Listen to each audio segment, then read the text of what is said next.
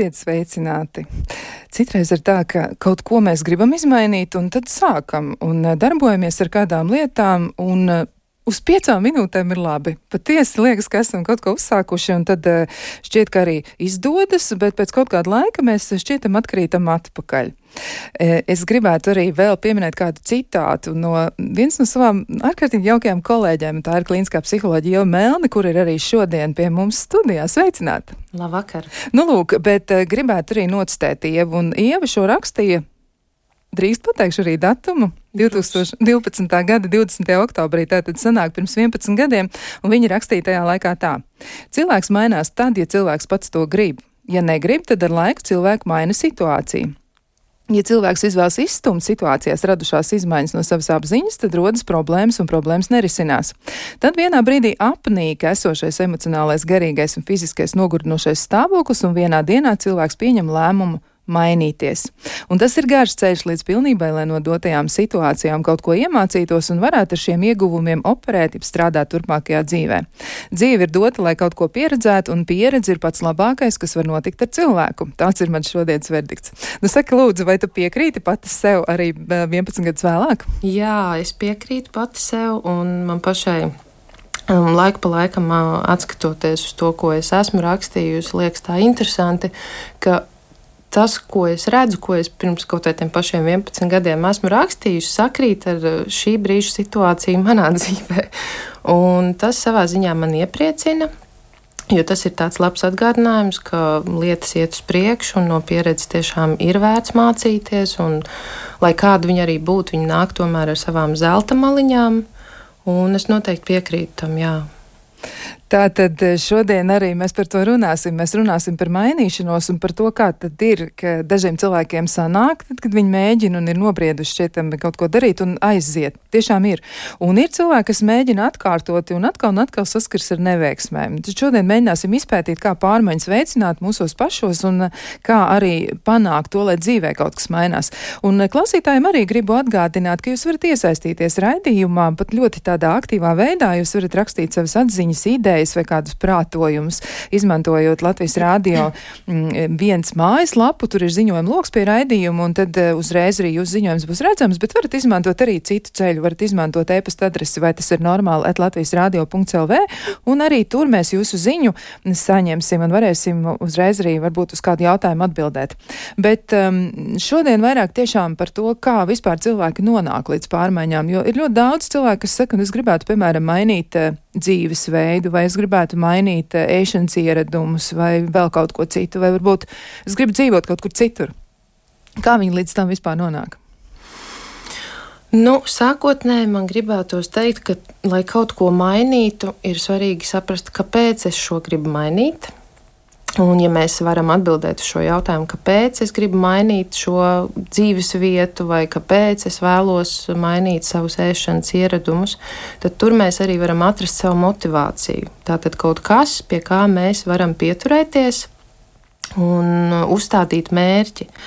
Un papildus noteikti jāsaka, ka pie daudzām situācijām vai lietām, kuras mēs vēlamies mainīt, ir svarīga tomēr disciplīna. Nu, ar to disciplīnu um, ir kā ir reizēm, par to mēs arī vēl parunāsim. Jā. Bet uh, vai tā varētu būt, ka tas ir arī uh, nu, par kaut kādām tādām iekšējām lietām, vai varētu arī kādreiz tā būt, ka, piemēram, par pārmaiņu vajadzīgumu liecina nu, tā, tā kā iekšēja konflikta izjūta vai tad neapmierinātība? Es domāju, ka noteikti jā, jo tās visas iekšējās mūsu domas un sajūtas, eh, nu, viņas ir patiesas. Jautājums ir, ko mēs ar to visu iesākam. Jo, ja mēs, eh, piemēram, nokļūstam atkārtotās situācijās, un mēs atkārtot reaģējam vienā un tajā pašā veidā, tad tas notiek droši vien tādēļ, ka mēs saprotam, ka šī uzvedība vai šī reakcija mums ir kā droša sajūta. Tas ir droši atkārtot to pašu aizsardzības mehānismu, vai uzvedību, vai reakciju, tādēļ bieži vien ir arī grūti mainīties, jo tu nemitīgi esi vienā un tajā pašā ciklā, ja tā var izteikties. Bet kā tad ir ar to konfliktu? Kas to varētu ierosināt, vai arī kas uh, tur darbojas? Jo citreiz cilvēki ir tāda zināms kaudība, bet noskatās uz kādu citu un domā, nu, re, kā tas cilvēks ir sācis iet sporta zāli, jā, vai viņam ir nu, kādas citas pārmaiņas vērojams, un reizēm tas tā ļoti acīm redzami ir, un citi cilvēki savukārt domā, nu, kā es uh, varētu ierosināt pats sevī šīs lietas. Mm -hmm. nu, šajā sakarā atkal, kā iepriekš minēju, tātad šī motivācija un tajā pašā laikā mm, bieži vien cilvēki saskarās ar ārējiem apstākļiem, kas spiež kaut ko izmainīt viņa dzīvē. Un dažkārt uh, mums ir ļoti daudz mūsdienās uh, gan, gan informācijas, gan video, gan visādi veidi cita informācija, kas mums dod to iedvesmu. Un, ja mums ir šī iedvesma, bieži vien mēs varam šo mērķi uzstādīt un uz šo mērķi paskatīties nevis kā uz kaut ko briesmīgu un tādu kaitinošu un nogurdinošu, bet kā uz izaicinājumu. Un, ja mēs izvirzam sev šādu izaicinājumu, tad dažkārt tas izvēršas kā eksperiments, un no šī eksperimenta savukārt ir kaut kādi rezultāti. Un līdz ar to es pieļauju, ka noteikti um, ir jābūt arī tādai iekšējai sapratnei, kāpēc es šo daru, priekš kam man tas ir vajadzīgs un ko tas man nozīmē. Jo šajā sakarā ir svarīga arī nozīme, kuru mēs piešķiram konkrētai darbībai vai uzvedībai, ko mēs vēlamies attīstīt, vai mainīt, vai uzlabot, piemēram. Jā, tad, tad tomēr kaut kāda daļa, nu, varbūt neapmierinātības ar sevi vai ar situāciju tur varētu arī palīdzēt. Savā ziņā jā, jo um, noteikti gribās uh, norādīt, ka negatīva pieredze vai nepatīkama pieredze var atnest pozitīvus rezultātus. Un šajā sakarā es arī mazliet uh, palasīju šādus tādus pētījumus, kas man likās ļoti īstenībā aizraujoši, bija ļoti interesants temats. Bet, uh, bija norādīts arī, piemēram, ja cilvēki maina darbu, vai teiksim, viņi aiziet pensijā, vai, piemēram, notiek šķiršanās, ka bieži vien šiem cilvēkiem um, šī pieredze iedod arī tādu pozitīvu, um, tādu Gluži, nu, tas ir gan skatījumu, gan tādu uh, atklāsmi par to, ko es varu darīt tālāk, kas ar mani var notikt tagad, kas ir tā labā lieta, ko es varu virzīt uz priekšu. Jā, nu par cilvēkiem tad mēs varam teikt arī to, ka reizēm ir tā, ka viņi ļoti fokusējas uz tādu negatīvu pieredzi un uh, diezin, kā viņiem bieži vien neveicas tieši ar tā labā atrašanu tajā pieredzē. Kas uh, varētu būt pamatā šim mehānismam? Kāpēc tā notiek ar cilvēku? Nu šeit ir ļoti interesanti, kā pētījumos tiek minēts, ka šeit ir svarīga arī cilvēka personība. Un, uh, ir kaut kādas pamatiezīmes, kuras dzīves laikā īpaši nemainās, kas atkal iet kopā ar šo atvērtību, apzinīgumu, ekstraversiju, spēju būt pieņemošam un neirotismu, kas uh, katram cilvēkam piemīt atsevišķos tādos intensitātes veidos. Un atkarībā arī no tā um, cilvēki vai nu pretojas kaut kādām labākām izmaiņām, vai tomēr nepratojas.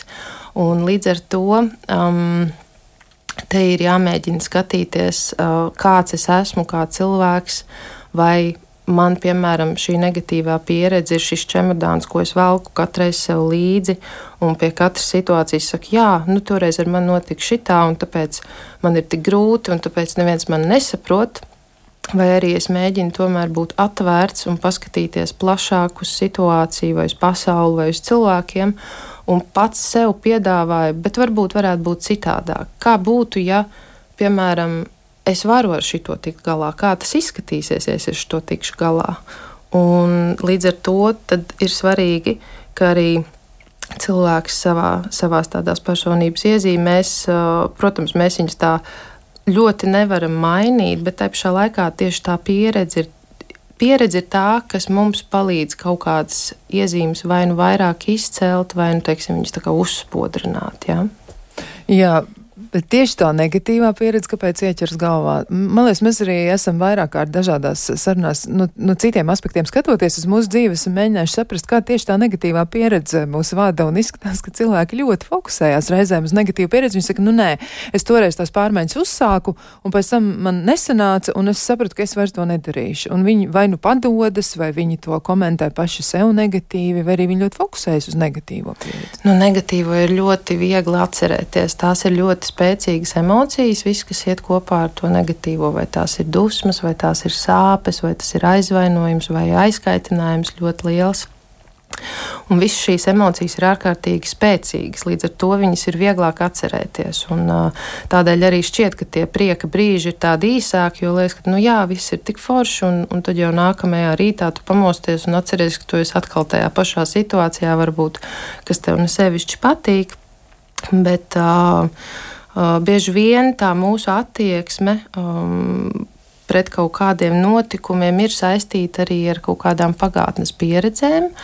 Un, ja mēs, piemēram, varbūt nezinām reizēm, ka mums ir šī pieredze tādu negatīvu ietekmi atstājusi, jā, vai arī mēs neesam viņu izstrādājuši, tad mums veidojas šī asociācija, un katra nākamā pieredze, kas var būt nepatīkama, jeb negatīva, viņa var sasaistīties kopā ar to atmiņu, ja, vai to pagātnes situāciju, un tad no jauna atnes šīs sajūtas, un tad mēs saprotam, nē, nē, nē, es šo negribu, man tas nepatīk, es labāk vienkārši aiziešu prom, vai nerunāšu, vai nekomunicēšu, vai izlikšos, ka nekas nav noticis. Jā, nu vēl arī klausītāji mums komentārus jau dažas ir atsūtījuši un raksta tā, ka ļoti aktuāls un interesants temats. Paldies par to. Pārmaiņas sevī paraduma maiņa ir atkarīga tikai un vienīgi no sevis, no savām vēlmēm, izaicinājumiem, iekšējā komforta un arī, e, protams, Un te es tā kā nevaru uzreiz acu mirkli ieraudzīt to pēdējo vārdu, bet skaidrs, ka tas ir par, nu tiešām par, par sevi vairāk mēs varam runāt. Bet te par to izaicinājumu arī klausītājiem min, vai šis te izaicinājums, um, nu, vai tas varētu būt arī tāds, kas varētu palīdzēt pārmaiņas īstenot. Nu, piemēram, um, es zinu vienu tādu gadījumu, ko man atstāstīja arī viena no, no manām bijušajām kolēģēm, jā, par tādu savu, savu ļoti privātu. Aha, re, kur atradās vārds mm -hmm. iekšējā komforta un, protams, labsajūtas. Mm -hmm. nu, tas ir tas, ko mēs vēl noteikti pieminēsim, pie tā atgriezīsimies. Bet atgriežoties savukārt pie manas stāsta, ko es iesāku, jā, tad, nu, tā ģimenes situācija, kur mamma nu, runā ar dēlu, nu, jau pieaugušo par to, nu, ka dēls gribēja atmest smēķēšanu, un mamma savukārt nu, gribēja veicināt kaut kā šīs pārmaiņas. Mm -hmm. Un tad viņi vienojās par to, un par cik arī mammai bija tāda iekšējā vēlme, ka viņa gribētu savu tetovējumu, tādu maziņu, un tādu, tādu mīlīgu. Viņa um, vienojās ar dēlu, ka ja viņš atmetīs smēķēšanu, Nu, tad viņa, nu, kā, viņa, viņa nu, kaut ko sev uztetovēs. Ja? Mm -hmm. Un uh, viņa arī nu, tajā brīdī patiesībā drusciņā tā nu, spēlēja mazliet uh, negluži tā tīri. Viņa teica, ka viņa tā kā nemaz negribētu, bet, nu, ja, ja nu viņai ir jāsadūšos, tad šis varētu būt tas īstais brīdis, ja, un tad kā dos mm -hmm. dot, tu dari kaut ko vienu, un es daru kaut ko otru. Nu, šis varētu būt par izaicinājumu. Varbūt nevienmēr šī uh, nu, tāda saspēle, ja, ka mm -hmm. ja mhm. tu tad es, nu, tas varētu arī nestrādāt. Bet vai tas varētu noderēt arī pārmaiņu veicināšanai? Nu, piemēram, piemēram, vienošanās ar kādu, ka mēs kaut ko darām. Un, uh, nu, tad, tad, tad mēs ar to otru cilvēku saslēdzam kopā savas pārmaiņas. Noteikti pētījumos arī tiek norādīts, ka bieži vien um, nostrādā tas, ka mēs par savu kaut kādu pārmaiņu procesu vai par to savu izaicinājumu izstāstam kādam citam. Un tā ķēde, kas notiek, ir, ka tas cits uzreiz, nu, kā tev iet, un kā te tev tur gāja, vai tu izturēji, un tu saproti, ka tu nes kaut kādu atbildību. Ja? Un, protams, ir cilvēki, kas tur slēdz derības vai, piemēram, sacenšas savā starpā. Līdzīgi kā esmu dzirdējis, ka cilvēki, lai būtu aktīvāki, viņi tur lejupielādē aplikācijas, un tad kurš vairāk nostaigās pa nedēļu vai noskries, kas savā ziņā nāk ne tikai ar to veselīguma aspektu, bet tas ir arī interesanti. Tas ir arī aizraujoši, un tad var, nezinu, izdomāt kaut kādus apbalvojumus viens otram, bet tajā pašā laikā uh, pieredze arī ir tā, kas uzlabo cilvēku spējas tikt galā ar izaicinājumiem. Plus izaicina pašreizējos tos pieņēmumus un cerības jā, par to, kas, kas mums šobrīd jau ir, tad mēs mē, varam sev vienkārši pajautāt, vai es ar šo varētu tikt galā, vai, piemēram, Nu, es varbūt varu paskatīties, varbūt uh, es varu tagad mēnesi nesmēķēt un vienkārši pavērot, kā es jutīšos. Jā, jo ja mēs zinām, ka tad, kad cilvēks pārtrauc smēķēt, tad uzlabojas garšas, smaržas, noskaņojums, miegs uzlabojas, nu, ļoti daudz tādu faktori. Līdz ar to šeit nav obligāti jābūt iesaistītam vēl, vēl vienam cilvēkam. Bet, protams, es domāju, tetovējums nu, tas ir tāds kārtīgs tāds, kā lai saka, izaicinājums arī noteikti. Ja? Bet paskatīties pašam priekš sevis, jo, ja tu pats sev iedod šo uzdevumu, tad, tad ir patīkamāk varbūt to atbildību nest par sevi priekš sevis. Nevis tā kā, ka, nu, ka lai ir vēl kāds, varbūt, kas te man tagad vaktēs, jā, vai bišķiņu pabakstīs ik pa laikam. Bet var arī tā, tas noteikti arī citiem var nostrādāt kā motivators. Jā, nu vēl arī par pieredzi runājot, arī klausītāji raksta, ka man pieredze no pandēmijas laika, ko joprojām izmantoju, noteikti izmantošu arī turpmāk. Ātrā solī nostaigāt 10 km mežā vismaz divas reizes nedēļā. Svaigs gaiss, smadzeņu izveidināšana, kustības, nu, viņi iesaka, ja, ka to varētu darīt. Bet tas ir apbrīnojami, ja redz, kur cilvēks var nu, divas reizes nedēļā, ja tas savus 10 km viņš nostaigā, bet kādam cilvēkam varbūt tas ir milzīgs izaicinājums to darīt, nu, saņemties to darīt. Tad kā viņam iesākt, ar ko viņam sākt, vai viņam iesākt?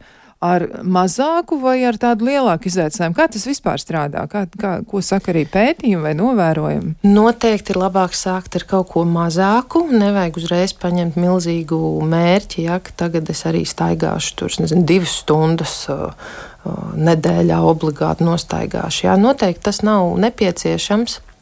Jo mērķis ir nevis cik, cik daudz vai uh, kurš vairāk to izdarīs, bet mērķis ir vienkārši sākotnēji piedāvāt savām smadzenēm šo te uh, citādāk, varbūt atpūtas veidu vai relaksācijas veidu, vai nu, lai kas tas arī būtu.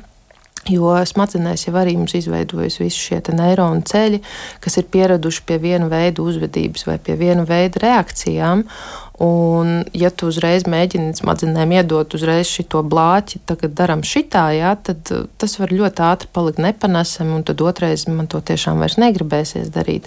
Līdz ar to arī tiek ieteikts sadalīt to mērķi varbūt pa gabaliņiem un pamēģināt darīt kaut ko vienkāršāku un vieglāku, kur tu vari arī ātrāk redzēt to rezultātu. Jā. Protams, jā, piemēram, rezultāts ir svarīgs, ka es, lai es jūtos, es nezinu, lai es jūtos drusciņi labāk, vai man ir labāks noskaņojums, vai arī man ir skaidrāka galva, piemēram, pēc šīs pastaigas, tad tu vienkārši sāc kaut vai ar 20, 30 minūšu pastaigu, un tas jau arī ir ļoti daudz. Vai varētu arī palīdzēt tas, ka, nu, piemēram, ja mēs izvēlamies kā piemēru, nu, kaut vai ēšanas ieradumu maiņu, mm -hmm. kas bieži vien cilvēkiem arī ir, nu, nu, tāds secinājums par sevi, nu, es gribētu tur, nu, nezinu, varbūt uzvilkt to apģērbu, kas man derēja pirms trim gadiem, jau, tagad mm -hmm. esmu sailgojies pēc tā, nu, tad es gribētu tur nonākt atpakaļ. Vai varētu palīdzēt arī tas, ka cilvēki sadala šo te mērķi, arī aprakstot tā mērķu saturu drusciņu vairāk, jo tas nav tikai par centimetriem, kilogramiem, Noteikti. tas ir par kaut ko vēl? Noteikti um, ir vērtīgi arī, protams, ja, teiksim, piefiksēt uh, gan tie iemesli, ja nu viena lieta ir mērķis, es gribu tur tos, tos muko kleitu uzvilkt, ja, kas man tur pirms pāris gadiem ļoti skaisti izskatījās, bet otra lieta ir, kas ir tie papildus ieguvumi, kas mainīsies, ja tu, piemēram, nolemsi, ka es šobrīd, nezinu, kaut ko pamainīšu savā savos ēšanas paradumos, jā, kā, kā tu varbūt jutīsies, vai kas ir tas, kā tu gribētu justies. Jā, bet tādas, uh, droši vien jāapraksta tādas lietas, um, kas ir reālas, kas nav kaut kas izdomāts vai tur izfantazēts vai kaut kas tāds nereāls, kur noteikti varbūt ir vajadzīgs, nezinu, tur gads, nezinu, lietojot uh, šausmīgi veselīgu pārtiku, ejot sportot un tā tālāk. Jā. Ir jāsaprot konteksts, kurā mēs atrodamies. Un pēc tam ir vienkārši jāsaprot arī, mm, kas vēl labs no šī man var sanākt. Jā, viena lieta ir tā kleita, otra lieta ir es jutīšos labāk, trešā lieta man būs vieglāk varbūt paveikt savus ikdienas darbus. Tad nākamais es būšu varbūt, es nezinu, vieglāk pieejams citiem cilvēkiem, jo es nebūšu savā prātā visu laiku ar kaut kādiem pašpārmetumiem un tā tālāk. Jā, nu vēl arī tāds jautājums, vai tā nav, ka paradumu maiņa, ja tā ir, precīzāk varētu tā būt, ka tā ir, vai paradumu maiņa biežāk varētu būt saistīta ar to, ka, nu, pieņemsim, ir veselības problēmas. Ja mēs runājam par daļu no paradumu, nu, kas ir cilvēkiem ļoti populārs rūpes, bieži vien tas ir par veselību, nezinu, mm -hmm. smēķēšana, alkohola lietošana, e, arī ēdiens, kas reizēm nav pārāk veselīgs dažādu apstākļu dēļ. Vai tas tā varētu būt? Kā tur ir? Un vai šīs iemaņas, kas ir, pieņemsim, mainot kaut kādu paradumu satēt uz veselību, vai šīs iemaņas viņas var kaut kā aprakstīt, saprast un izmantot citos procesos? Es domāju, ka noteikti jā, jo mana darba pieredze norāda, ka cilvēki visbiežāk sāk kaut ko mainīt savos ieradumos vai paradumos tieši tad, kad tas sāk skart viņu fizisko veselību. Uh, mentālo arī, taču cilvēkiem ir vieglāk izprast sākotnēji to fizisko ietekmi, kāda viņi ir un kāpēc viņi tādi ir. Un tad, protams, ir vairāku ārstu apmeklējumi un mēģināšana saprast, ko darīt, kā darīt. Tad viņi sāk ieviest savā ikdienā šos, šīs pārmaiņas. Um, bet nu, es pieļauju, ka tas ir tādēļ, ka mūsu mentālā veselība, kā, kā arī citu, citos rakstos lasot, tas ir kaut kas, ko tu nevari paņemt šo pildspalvu rokā un saprast, tā ir tā pildspalva. Ja? Tās ir jūtas, tās ir emocijas, domas, tā ir uztvere tās ir tādas it kā neredzamas lietas, bet viņas mums visiem piemīt. Līdz ar to um, tiešām arī ir tā, ka, ja mēs fiziski saskaramies ar grūtībām, tad liekas, nu, tas ir pēdējais, jā, ko darīt. Tad nu, tagad gan es mainīšu to savu veselību. Bet ļoti reti, ka cilvēki jau sākotnēji, uh, nu, kļūstot nezinu, pieauguši, tur apzinātāki, jā, ka viņi tiešām mērķtiecīgi saprot, ka ir veselīgi būt tādam vai darīt šīs lietas, jo tas var man palīdzēt tālāk, tur nākotnē vai vecumdienās. Jā, bet par stratēģijām runājot, tad tā tad viena lieta, ko mēs varam saprast, nu, varbūt ir tiešām vērts sākt ar kaut ko mazu un -hmm. virzīties uz kaut ko lielāku. Tad mēs saprotam sīkāk saskaldām to mērķi un saprotam, kas tur ir vēl iekšā tajā sakrā. Mm -hmm. Kas vēl ir tāds, kas varētu palīdzēt? Ja, ja cilvēks ir nolēmis mainīties, jo cilvēki ir ļoti dažādi. Mm -hmm. un, un tu arī sacīja, ka cilvēki, nu, spriežot arī pēc tiem parametriem, kas raksturo viņu personību, viņi tiešām atšķiras. Un uz dažiem cilvēkiem strādā tas, ka mēs sakām, nu, vai tad tu nevari? Mm -hmm. Un viņš saka, nu, man jāsimās, es varu. Mm -hmm. un, un tad tas ir tas viņa stimuls, viņš vismaz tā to uztver. Mm -hmm. Bet būs citi cilvēki, kur teiks, uz mani tas nestrādā. Ja, mm -hmm. ja man saka kaut ko nelāgu vai mani kritizē, tas nedarbojas. Mm -hmm.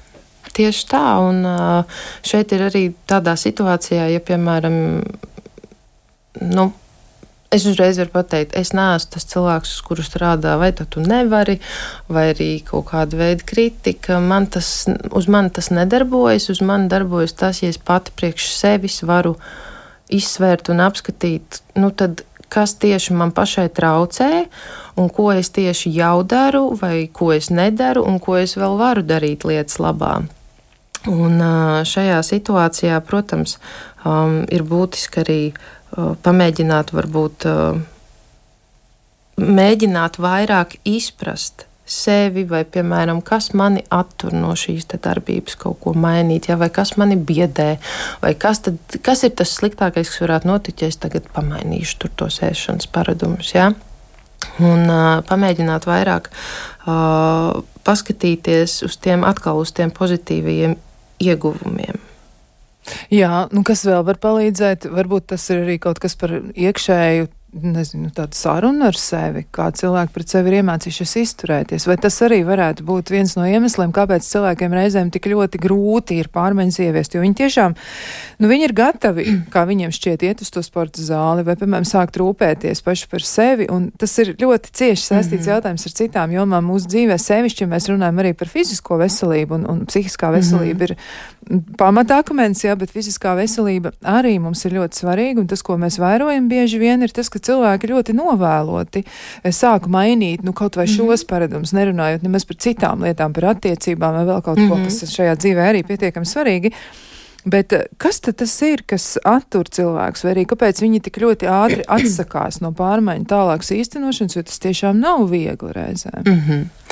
um, nu, viena lieta, kas noteikti attur, ir paškritika, ka viņi ir nu, pārmērīgi pa daudz, un, un reizēm tas nav gluži akurāti.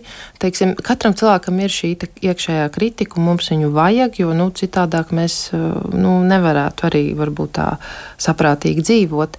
Bet, ja šī iekšējā kritika ir pārāk daudz, tad viņi jau sāk nodarīt pāri. Tad mēs vairs neatrodam nekādu citu iespēju, uh, kaut kā mainīt savu dzīvi tieši tā iemesla dēļ, ka liekas, ka, nu, nē, es jau šo nevaru, man jau šis nesanāks, un kam to vajag, un es vispār ne uz ko neesmu spējīgs vai spējīga. Un tā negatīvā kritika, viņa ir šausmīgi daudz pa daudz.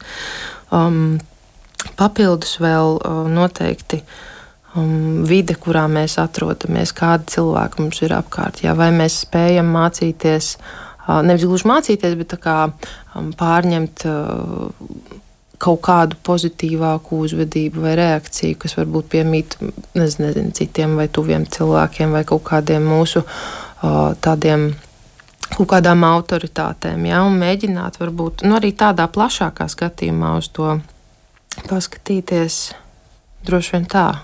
Jā, nu par to kritiķi, kas tur iekšā dzīvo visu laiku, kaut ko tur saka, tas ir tiešām diezgan svarīgi, manuprāt, par to parunāt, jo diezgan daudz cilvēku varētu atzīt, ka tā ir.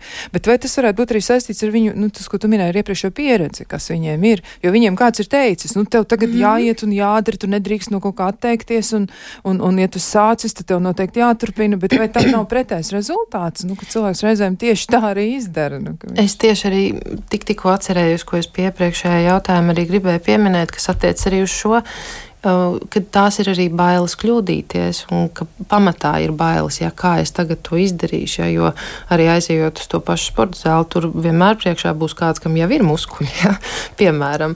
Un tas ar tevi var radīt tādu iekšējo kritisko tādu sarunu, ka, ja, ja es šitā nevaru, ja. bet ja mēs runājam um, teiksim, par, par citiem ieradumiem, kas varbūt nav tik gluži uz to sportisko vērsts tad bieži vien tās pārmaiņas nāk ar bailēm, un ne visi cilvēki ir spējīgi uz pārmaiņām. Un, tāpēc arī ir labi mm, sevi mazliet iepazīt un pamēģināt saprast, vai es esmu cilvēks, kam pārmaiņas viegli nāk. Piemēram, nu, man tagad ir jāpārvāc uz trīs mēnešiem, tur uz kaut kādām ārzemēm, uz Itāliju, piemēram. Nu, kā es to skatos? Man rada stresu, spriedzi, man ir bail un es raudu.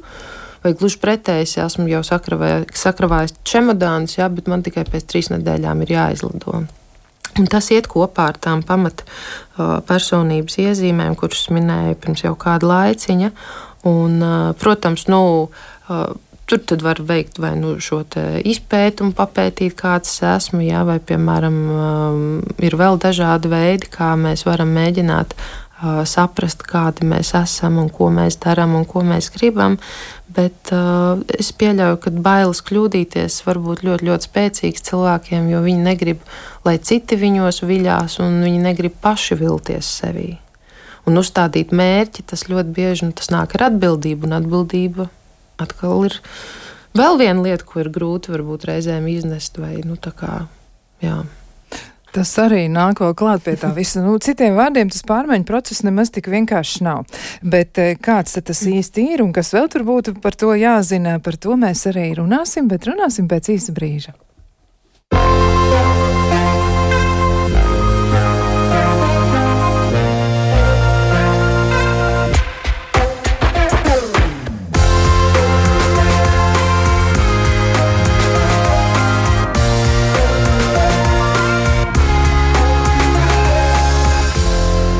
Vai tas ir normāli?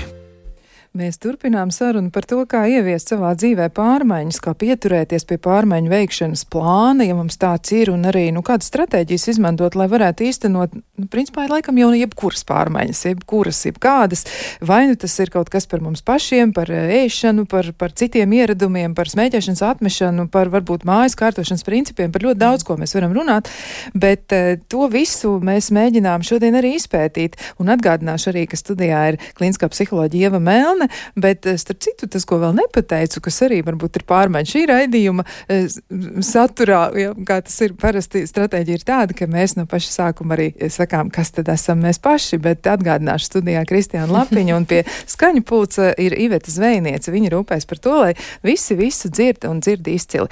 Bet um, šis ir tas mirklis, kad gribētos atkal izmantot to jauko privilēģiju un uzdot jautājumu studijas viesim. Thank you. Nu, lūk, un jautājums tā vai citādi nedaudz tomēr sakrīt ar eh, šīs dienas tematu. Un jautājums ir tāds, un to jautā puisis. Viņš, eh, viņam ir mazliet pāri 20, un viņš saka tā, ka mana draudzene saņem vienu paaugstinājumu pēc otra, bet es joprojām esmu turpat. Un eh, vai tas ir normāli, ka es izjūtu ļoti spēcīgu greizsirdību? Patiesībā viņš raksta, nu, ka viņš dusmojas uz viņiem ļoti bieži konflikti tieši tā iemesla dēļ, ka viņam šķiet, ka Nu, viņam kaut kas, kaut kas viņam šķiet. Mm -hmm. viņš jūt greizsirdību. Viņš prasa, vai tas ir normāli tāds intensīvs jūtas, nu, dusmas un greizsirdība. Mm -hmm. Nu, te izklausās, ka arī šis puisis vēlētos kaut kādas pārmaiņas savā dzīvē, kādu paaugstinājumu vai kaut kādus labākus rezultātus. Un es pieļauju, ka kaut kādā kontekstā tas ir absolūti normāli, ka mums šķiet, ka nu, pagaidi, bet es arī gribu. Kāpēc tev viss ir un man nekā nav? Kas tas būs?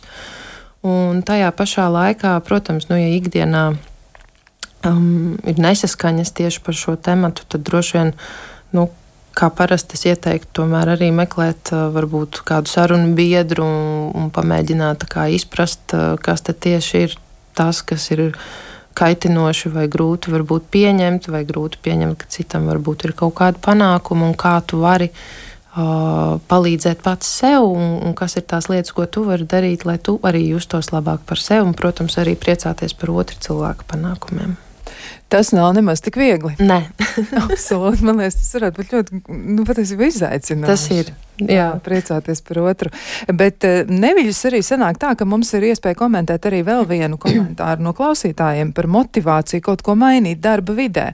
Uh, nu, kā piemēram iedrošināt uh, cilvēku mm, kļūt, nu, varbūt cītīgākam, kaut kādā nozīmē labākam, vai varbūt pievērsties vairāk kādām niansēm, jo tiešām ir tā, ka darbs arī sagādā nemazums izaicinājumu, un arī tur reizēm ir tā, ka mēs varbūt jūtamies pietiekami labi, un tad kādā brīdī mums šķiet, ka mēs nedaram lietas, tik labi, bet kā mums var būt tāda nu, pārprasta izpratne par sevi. Mums var likties, ka mēs visu darām izcili, ja un kāds no malas mums pienāk klāt un saka, nu, zini, nu, nav nemaz tik lieliski, jā, varbūt jāpadomā par to, par to. Tad eh, kādi varētu būt ieteikumi tieši saistībā ar šo visu? Tieši par darba vidi runājot. Jo man liekas, arī par pārmaiņu procesu darba vidē mm. tur ir diezgan daudz literatūras un pētījumu, bet tomēr nu, tur taču ir tas katrs viens cilvēks, ar kuru tās pārmaiņas varētu sākties. Mm -hmm. Nu, protams, noteikti ir jāpiekrīt, ka katram mums ir, piemēram, savs darba galds, mums viss ir sakārtots tā, kā mums ir ērti, un, ja mums ir darba telpa, tad viņi arī ir iekārtot tā, lai mums būtu vēlme nākt un strādāt un darboties. Un šeit ir arī būtiska tāda lieta kā pašefektivitāte. Protams, nu, mēs varam, teiksim, ja runa ir par vadītāju un darbinieku, jā, padotot, tur noteikti būtu vadītājam jāapgūst atsevišķas tehnikas, kā uh, komunicēt ar savu darbinieku un kādā veidā varbūt norādīt, ka uh, klausies. Uh, Ir ļoti labi, ka tu esi izdarījis to un to un to, taču būtu ļoti arī svarīgi, ka tu varētu darīt tā un tā. Jā, ja mēs runājam par kaut kādu darbu specifiku, kur ir kaut kāda vai nu, tur jāņem vērā kaut kādi principi vai kaut kāda uzvedība vai reaģēšanas ātrums varbūt, jā. Un, savukārt, ja mēs runājam par to, ka, teiksim, es eju uz darbu un man nav šī motivācija kaut ko darīt, tad te ir arī jāskatās, kas tieši, kas īsti ir mainījies, ja, kas notika pirms tam, vai pirms tu sāki justies tā, ka tev šīs motivācijas nav. Un jāmēģina paskatīties, un varbūt tur kaut ko arī var risināt. Jā, jo tāpēc ir vērtīgi pasakot līdzi sev, nepārstrādāties, sadalīt arī to laiku, kā mēs strādājam, paņemt arī pauzes pa vidu, lai savukārt nenotiktu šī izdegšana.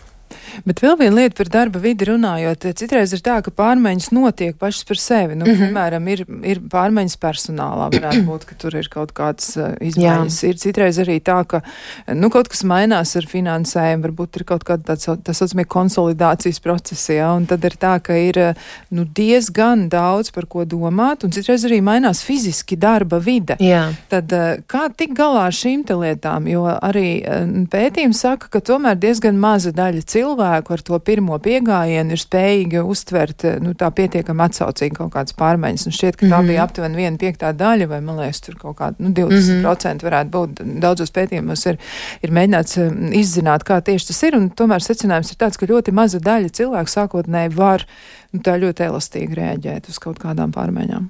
Jā, jo Um, tā ir spēja pielāgoties, būt elastīgam un spēt uh, pieņemt šīs pārmaiņas. Un es noteikti piekrītu, ka tā pirmā reakcija uz pārmaiņām, vai tā ir nezinu, kaut kas ar finansēm, vai tas ir tiešām vieta, ir mainījusies, vai es nezinu, tur nomainījies kolektīvs, vai vēl varbūt kaut kādi citi iemesli. Tad tur noteikti ir nepieciešams laiks. Tas ir normāli, ka mēs paņemam laiku šim procesam, un ka mēs nelecam uzreiz iekšā un neesam visiem tur draugs, jā, vai tur lielais palīgs, vai tur jā, man viss tik ļoti patīk. Um, protams, ir cilvēkam tiešām viss tiešām sakrīt, un viņi jūtas ļoti komfortabli, lai kādas arī pārmaiņas būtu. Un ir cilvēkam ļoti patīk regulāri arī mainīt kaut ko, līdz ar to viņi jūtas kā zivs ūdenī. Taču tai cilvēku daļai, kurai ar to ir grūtāk, tad arī ir svarīgi apzināties, ka tam ir vajadzīgs laiks un ka tas ir normāli, ka mēs uh, iedodam sev šo laiku, ka mēs uh, iekārtojam šo vidi, ka mēs iepazīstamies ar kolēģiem. Uh, un, protams, nu, ja tas ir kaut kādā finansiālā veidā, tad atkal tur ir jāsaprot konteksts un ko ar šo var darīt. Bet tai pašā laikā. Mm, tā ir spēja pielāgoties un būt elastīga. Un kas, protams, visiem cilvēkiem nepiemīt vai piemīt nu, drusku mazāk nekā citiem. Un, un šis ir kaut kas, um, nu, kam ir jāiedod tas laiks. Bet vai ir atšķirības starp to, ka pārmaiņas tiek ierosinātas eh, nu, cilvēku paša iniciatīvas dēļ, tāpēc, ka viņš ir izlēmis, ka viņš kaut ko grib darīt, un tas nav kaut kas par citiem cilvēkiem ārpusē? Nu, piemēram, es redzu, ka kāds izskatās tā un tā, un tad es tagad arī gribu šādi izskatīties. Bet tas tiešām ir par to, ko tu teici, nu tā tad veselīga ieraduma attīstīšana. Es saprotu, ka to man vajag, nu, pieņemsim, mans veselības dēļ. Mm -hmm. Bet vai ir atšķirība, ja mēs runājam, piemēram, par darba vidi, un tas varētu izrādīties diezgan būtiski, kā tas ir, ja pārmaiņas tiek ierosinātas? Ierosināts no ārpuses. Ja, mm -hmm. Tas ir kaut kas par hierarhiju, tas ir jā. kaut kas par citiem cilvēkiem. Un eh, bieži vien šis negatīvisms arī nespēja to uztvert vai ar to tik galā, ir saistīts tieši ar to, tāpēc, ka tas ir ārpusē. Mm -hmm. Kā ar to tikt galā? Nu šeit mans ieteikums noteikti būtu mēģināt uh, atrast uh, citus cilvēkus, ar kuriem par šo var noteikti parunāties. Jo šeit ir svarīgs uh, arī arī atbalsts noteikti šajā procesā. Jā, ļoti bieži darba vietās notiek kaut kādas pārmaiņas, darbiniekiem nepaprasot, kā tu jūties, vai tu šo gribētu. Vienkārši atnāk tas viss kā fakts, un, protams, tā sākotnējā reakcija ir: man šis nepatīk, es to negribu, es iešu prom, kam man tas ir vajadzīgs. Un tajā pašā laikā bieži vien ļoti palīdz arī tas, ka darbinieki var savā starpā izrunāties, izventilēties, kaut vai arī tikai tādā veidā.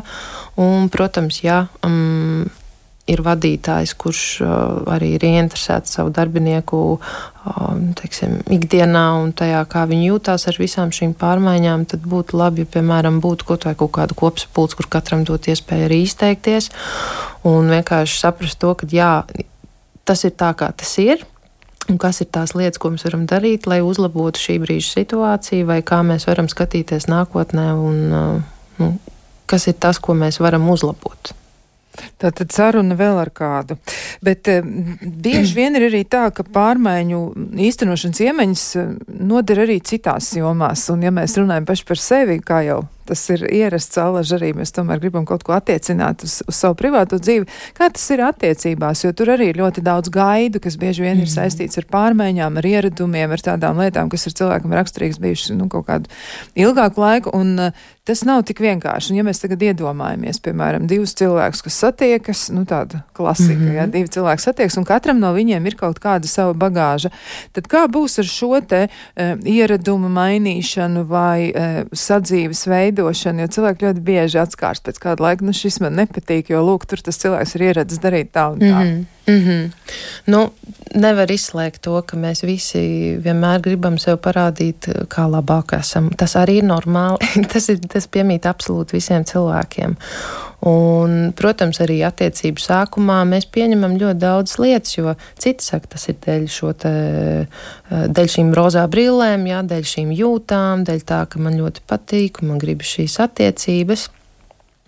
Un, uh, um, turpmāk, ja teiksim, tās attiecības veidojas, tad uh, um, ir jāsaprot, protams, pašam priekš sevis. Teiksim, ja ir kaut kāds ieradums, kas varbūt otram nepatīk, un es tā kā arī saprotu, ka varbūt tas nav pats labākais ieradums. Tad vai es šo gribu mainīt, tāpēc, ka lai otrs ir laimīgs, vai tāpēc, ka es pats saprotu, ka man šo vajag? Jo, ja mēs mēģinām kaut ko mainīt tikai dēļ otra cilvēka. Jā, tas uz laiku strādā, taču tai pašā laikā pēc kāda perioda mēs pazaudējam šo te, um, efektivitāti, mēs varam pazaudēt šo interesi un mēs varam atgriezties atpakaļ pie šī ieraduma. Bet, ja mēs paši priekš sevis spējam nodefinēt, kāpēc es šo gribētu mainīt, kā tas varētu uzlabot manas attiecības, kāds varētu palīdzēt man un ko mēs varētu darīt ar šo visu tālāk. Un, ja tie iemesli ir pietiekami nozīmīgi un uh, spēcīgi, tad mums ir arī vieglāk šīs izmaiņas ieviest. Protams, ir arī atsevišķa mm, tēma droši vien par attieksmēm, pārliecībām un uh, temperamentu un reakcijām. Bet arī tur ļoti bieži sanāk tā, ka, ja otrs cilvēks spēj piemēroti atspoguļot, klausies, tu tagad man saki to un to, un es jūtos tā un tā. Varbūt mēs varam kaut kā pamainīt šo visu.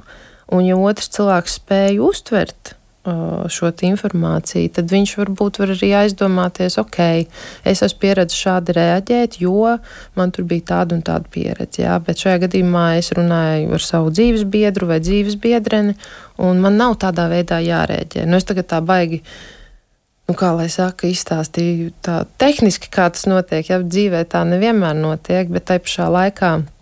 Um, man liekas, ka ir ļoti daudz piemēru un arī daudz literatūras, kas ir iegādājamā nu, teiksim, tā plašai publikai, kur šādi piemēri par attiecībām tiek aprakstīti, kur tiešām var arī iedziļināties un paskatīties un padomāt, ka varbūt patiešām es varu kaut kā citādāk reaģēt uz tiem notikumiem, ka man nav jāatkārto tā uzvedība, kas man ir bijusi līdz šim, vai kuru es pats esmu iemācījies no kāda. Bet tik vienkārši varētu arī reizēm nebūt, jo tas otrs cilvēks var arī nu, atteikties no ieraduma maiņas. Viņš var pateikt, nu nē, viss es palieku pie šī. Es, piemēram, nu, tur nezinu. Noteikti. Nu, esmu fiziski neaktīvs. Jā, jā. Jā. Un viss, un tas paliek. Un tādā gadījumā, kāda ir prognoze, ja šādas ir attiecības? Jautājums ir par uh, pašām attiecībām, cik viņas ir noturīgas un cik ļoti spēcīgas jūtas ir vienam pret otru. Jo es vairāk kārt esmu dzirdējis no savām paziņām, kad es nemainos, jo nu, es negribu, ka otrs mainās. Mums ir labi ar savām visām tām negatīvajām vai netik patīkamajām lietām. Mēs vienkārši dzīvojam. Un ir cilvēki, kas tā arī var darīt. Un te atkal var domāt par to, nu, kāds tu esi kā cilvēks. Vai tev ir svarīgi, ka tu tur esi pēc punkta, atbilst katram punktam, jā, vai arī tu esi tāds, kas tiešām ir elastīgs un saka, jā, nu tev tur tas nesanāk vai tev nepatīk, bet es ar to varu sadzīvot.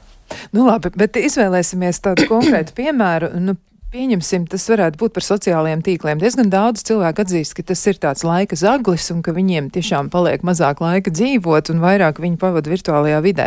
Kāds varētu būt ieteikums un tāda varbūt vai, vai pat ieteikumi vairāki m, mm, cilvēkam, kurš ar to nekā netiek galā? Nu, tad mums pieņemsim, ir cilvēks kaut kāds izdomāts, ja? mm -hmm. cilvēks, kuram ir šāda problēma, viņš ir visu laiku fokusēts tikai un vienīgi uz sociālajiem tīkliem. Kā mēs viņam varam palīdzēt no tā atbrīvoties? Nu, sākotnēji droši vien atkal ir jāsaprot, uh, cik ilgu laiku es no savas dienas pavadu tajos sociālos tīklos. Un, uh, paskatoties uz to, ja tas secinājums ir, ka tas ir daudz par daudz, un vispār par šo laiku es varēju izdarīt ļoti daudz citas vērtīgākas lietas, uh, tad ir vērts. Mm, nu, Citi cilvēki ierobežo tos savus datus, ja telefonā, ko viņi tur izmanto. Viņi vienkārši ierobežo un tik līdz uh, nopīkst vai atnāk kaut kāds signāls, tad viņi tā kā visu viņu vairs vairs neizmanto šo visu. Bet ir vērtīgi arī uz, šo, uz šīm pārmaiņām paskatīties atkal kā izaicinājumu. Ja? Kad es nevis uh, no rīta pamostos un pirmais, ko daru, vai Facebookā vai internetā kopumā un kaut ko tur pētu, bet kad es pamostos, es piemēram paskatos, jā, pulkstenis ir tik un tik, es aizēju uz virtuvi, es padzeros ūdeni, uztaisu sev kafiju, sagatavojos rītam un esmu nolēmis, ka es internetā ieiešu tikai, nezinu, nu, piemēram, pēc brokastīm. Jā, jo tomēr nu, noslēgt sevi no sociālās vidas arī droši vien nav īsti uh, pareizi, jo ņemot vērā, ka šobrīd nu, informācija tur ir ļoti daudz par daudzām dažādām lietām, ka ir svarīgi tomēr sevi informēt. Bet vienoties pašam ar sevi par tādu kā struktūru, kad es šo daru un cik ilgi es šo daru.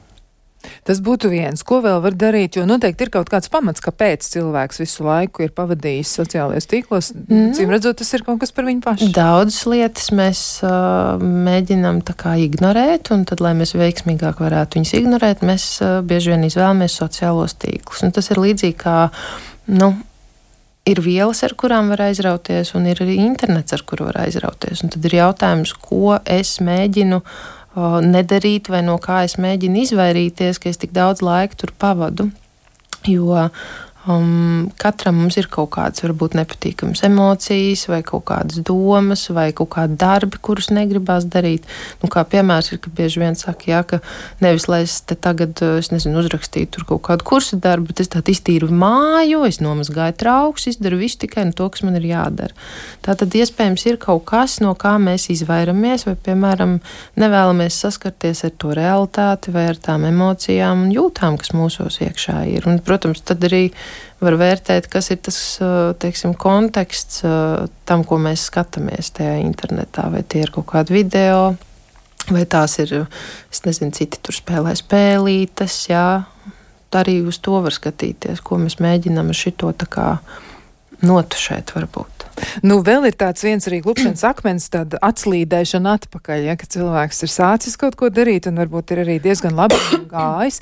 Viņš ir, piemēram, devies uz to pašu sporta zāli un viņam bijušas diezgan labas sekmes, un tad notiek kaut kāds, nu, nu kaut, kāda, kaut kāda sadzīviska lieta, nu, varbūt tiešām cilvēks saslimst un, un ir kaut kāds pārtraukums, un tad ir ļoti, ļoti grūti turpināt to ieradumu, jo cilvēki reizēm atslīd atpakaļ. Tad kā no tā izvairīties, kā sev pasargāt no šāda te mirkļa?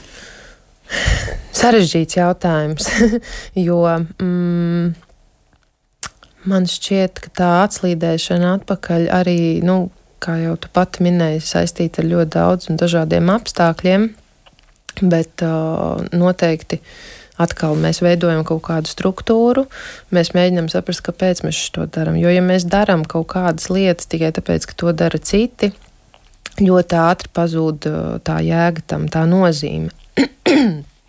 Līdz ar to, ja mēs spējam piešķirt nozīmi tam, ka, teiksim, ok, man šī te uh, vingrošana ir svarīga, Un, protams, es tagad divas nedēļas noslimojos, un man, piemēram, vairs neko negribās. Un man īstenībā baigi forši gultā pagulēt, tad uh, ir vērts saprast, ka, ok, sākumā būs grūti. Nevajag noliekt to, ka tu uzreiz aizies un tev viss sanāks. Jā, man būs grūti.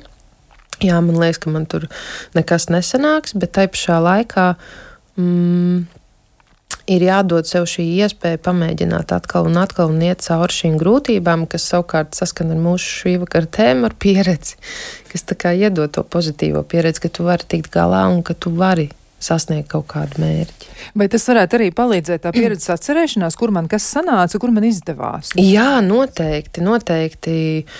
Ja mēs spējam atcerēties, kā es toreiz saņēmos pēc kaut kādas milzīgas pauzes, atsākt, piemēram, ēst veselīgi, ja, vai kā es jutos, tad tas var būt labs stimuls Jo viena lieta ir, ko cits cilvēks stāsta, jā, ka man es uh, daru tādas un tādas lietas, un tāpēc rekur ir mans rezultāts, un es jūtos tik perfekti un tik labi un tik priecīgi. Bet cita lieta ir, ka mums ir savu iepriekšējā pieredze, ka mēs um, atceramies tās sajūtas patīkamās, vai arī mēs jau iztēlojamies, kā es jutīšos pēc tam, un tas var strādāt kā labs motivators. Jā, nu tā tad to mēs noteikti varam izmantot. Un vai ir vēl viens kāds ieteikums, vai varbūt vairāki par eh, šo te, nu tādu tā kā vilšanos, par to, ka nenotiek tik ātri, ja, jo cilvēki tiešām mēģina atmest to pašu smēķēšanu un atkal tā kā uzraujās, ja, un atkal viņiem ir, ir tā, ka viņi saka, nu tad es no pirmdienas, jā, vai es tur no nākamās piekdienas, vai arī par to pašu sportošanu, vai tādu dzīves, dzīves eh, ieradumu maiņu, ja, aktivitātes pievienošanu, vai varbūt arī, nu, ļoti nopietni soļi, darba maiņa, kas arī reizēm tiek atlikta, ja, jo cilvēki ļoti baidās no šīs mm -hmm. pašas vilšanās vai no tā, ka nenotiek lietas tik ātri. Kāds būtu ieteikums šajā gadījumā? Jo tie kilogrami, centimetri vai, es nezinu, darba pozīcijas ja, un citas lietas, nu, tas arī ir kaut kas tāds, ko gribētu uz kaut kādā laika posmā sasniegt, bet nesanāk tik ātri, kā gribas. Mm -hmm.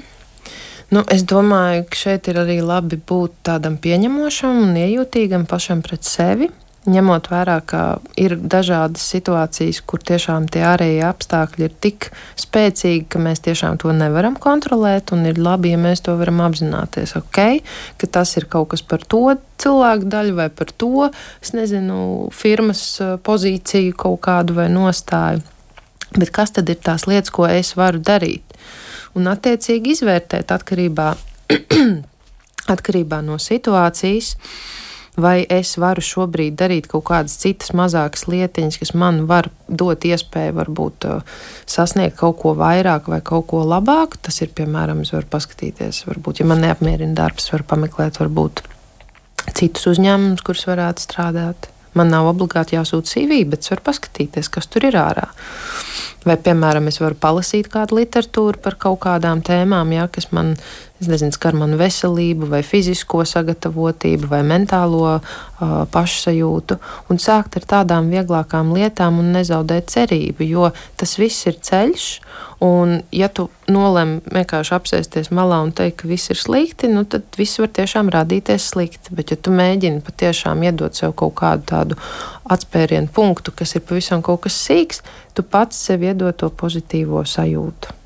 Šis gan bija jauki. Man liekas, tas ir tiešām pamatīgs iedrošinājums visiem, lai kādas pārmaiņas arī e, būs klausītāji būtu iecerējuši, vai tas ir par uh, uzturu maiņu, vai par uh, savas veselības uzlabošanu, vai arī varbūt par kaut kādām korekcijām attiecībās vai darbā, bet man liekas, šis bija, šis bija tiešām labs ieteikums par um, ceļu, par to, ka tas ir ceļš, tas nenotiek mm -hmm. uzreiz, tas nav tiešām tās piecas minūtes.